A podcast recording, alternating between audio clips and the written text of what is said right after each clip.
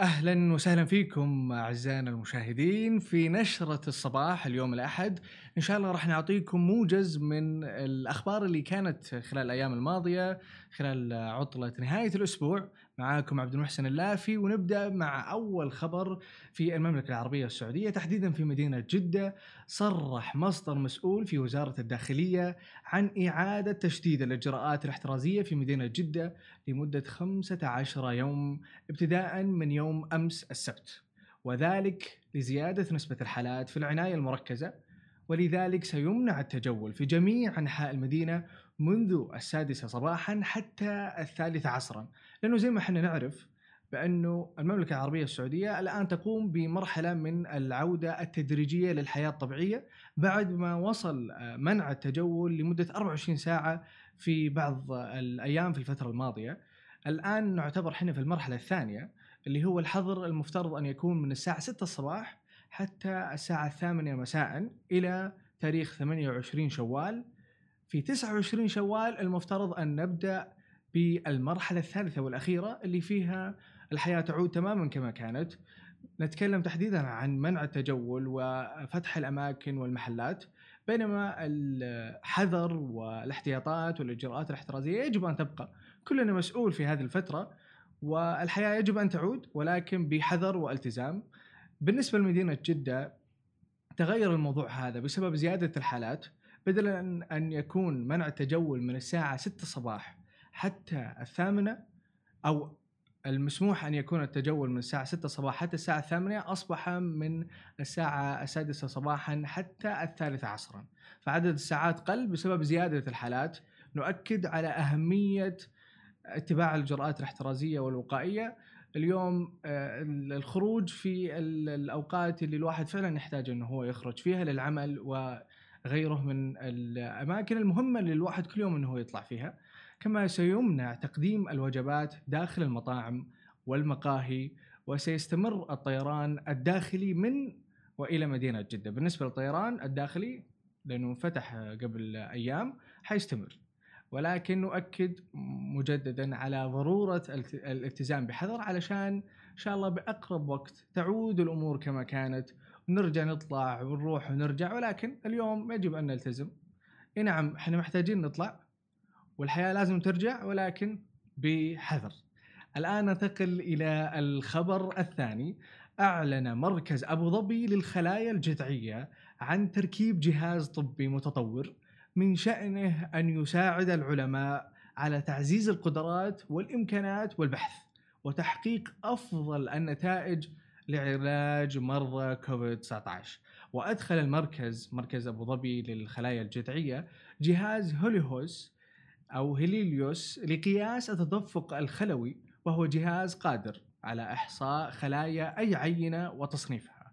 وتبلغ كلفة الجهاز الفريد من نوعه في الشرق الأوسط 3.6 ملايين درهم وهو استثمار كبير من قبل المركز في تطوير كفاءته وتجاربه الرائدة للتغلب على الفيروس. وسيتمكن العلماء في المركز بفضل هذا الجهاز من التعرف بسرعة وبدقة على الخلايا البشرية الفردية مما سيسمح لهم بدراسة ورصد استجابة المريض المناعيه للفيروس والكشف عن آفاق جديدة حول الوباء وبناء أيضا قدرة يعني معرفة أكبر على القدرة الدفاعية لدى المريض. هذه أخبار جميلة فيما يخص الأبحاث اللي قاعدة تتطور وقاعدة تتحسن يوميا في مسألة فيروس كورونا سواء في الإمارات في أبو ظبي أو يعني في مناطق العالم بشكل عام تبشر بالخير الأبحاث ولكن إحنا نعرف بانه هذه الأبحاث تأخذ وقت أنه يصير في دراسات مكثفة آه، تبدأ من الحيوانات آه، ثم يعني على عدد معين من البشر يعني بحيث أنه يتأكدون أنه ما يكون فيه آه، بعض الأخطاء وبعد كذا تعمم. فبالتالي نقدر اليوم نقول أنه الحمد لله الأمور ماشية في الاتجاه الجميل فيما يخص الأبحاث. والدراسات المتنوعة فيما يخص فيروس كورونا كوفيد 19 والأخبار الجميلة اللي قاعدين نسمعها ولكن حنا في المراحل الأولية في إن شاء الله يعني آه، بعد فترة إنه يعني آه، يتم إيجاد هذا العلاج و آه، جميع الأشياء المتعلقة بمكافحة فيروس طبيا. الآن ننتقل إلى الخبر الثالث والأخير أعلن تطبيق سناب شات وقف الترويج لمنشورات الرئيس الأمريكي دونالد ترامب متهما إياه بالحض على العنف.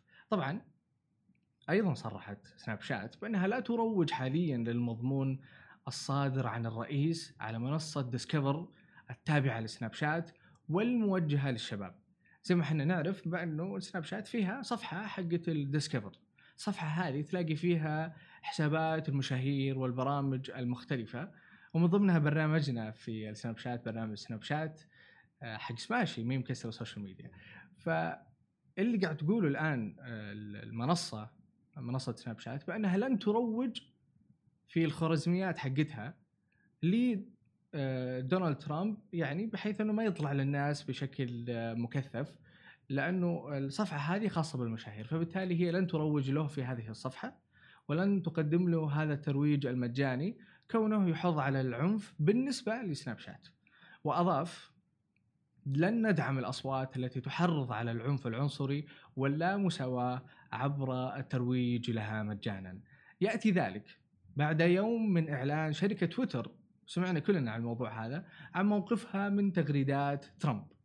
وقالت الثلاثاء الماضي أن تغريداته ستظل باقية على حسابه حتى وإن كانت مخالفة لقواعد الشركة. في حين أعلن الرئيس التنفيذي لموقع فيسبوك مارك زوكربيرج الثلاثاء الماضي أنه متمسك بقراره بشأن عدم تحدي المنشورات التحريضية للرئيس الأمريكي دونالد ترامب رافضا التنازل عن رأيه، فبالتالي اليوم صار في نوع من التباين بين آه، رؤساء الشركات المختلفة لمواقع التواصل الاجتماعي وال social media، آه، شفنا موقف تويتر خلال الفترة الماضية آه، ويعني الجدل اللي صار بينهم بين ترامب، كذلك الموقف الأخير من سناب شات وعدم ترويجهم لحسابه في الديسكفر. وأخيرا آه، رئيس آه، شركة فيسبوك أكد على إنه هو بالنسبة له لن يقوم بأي إجراء تجاه آه، دونالد ترامب حتى لو هو مثلا شايف إنه لا يعني هناك حظ على العنف وإلى آخره، كلنا شايفين الأحداث اللي قاعد تصير الآن في أمريكا فيما يخص العنصرية، فبالتالي اليوم في كثير من المواقف الواضحة والكبرى في هذا الموضوع، هذه كانت أخبارنا لليوم في نشرة الصباح في يعني يوم الأحد من سماشي. شوفكم إن شاء الله في نشرة أخرى في بث مباشر آخر في نفس الوقت كل يوم من الأحد إلى الخميس. سلام عليكم.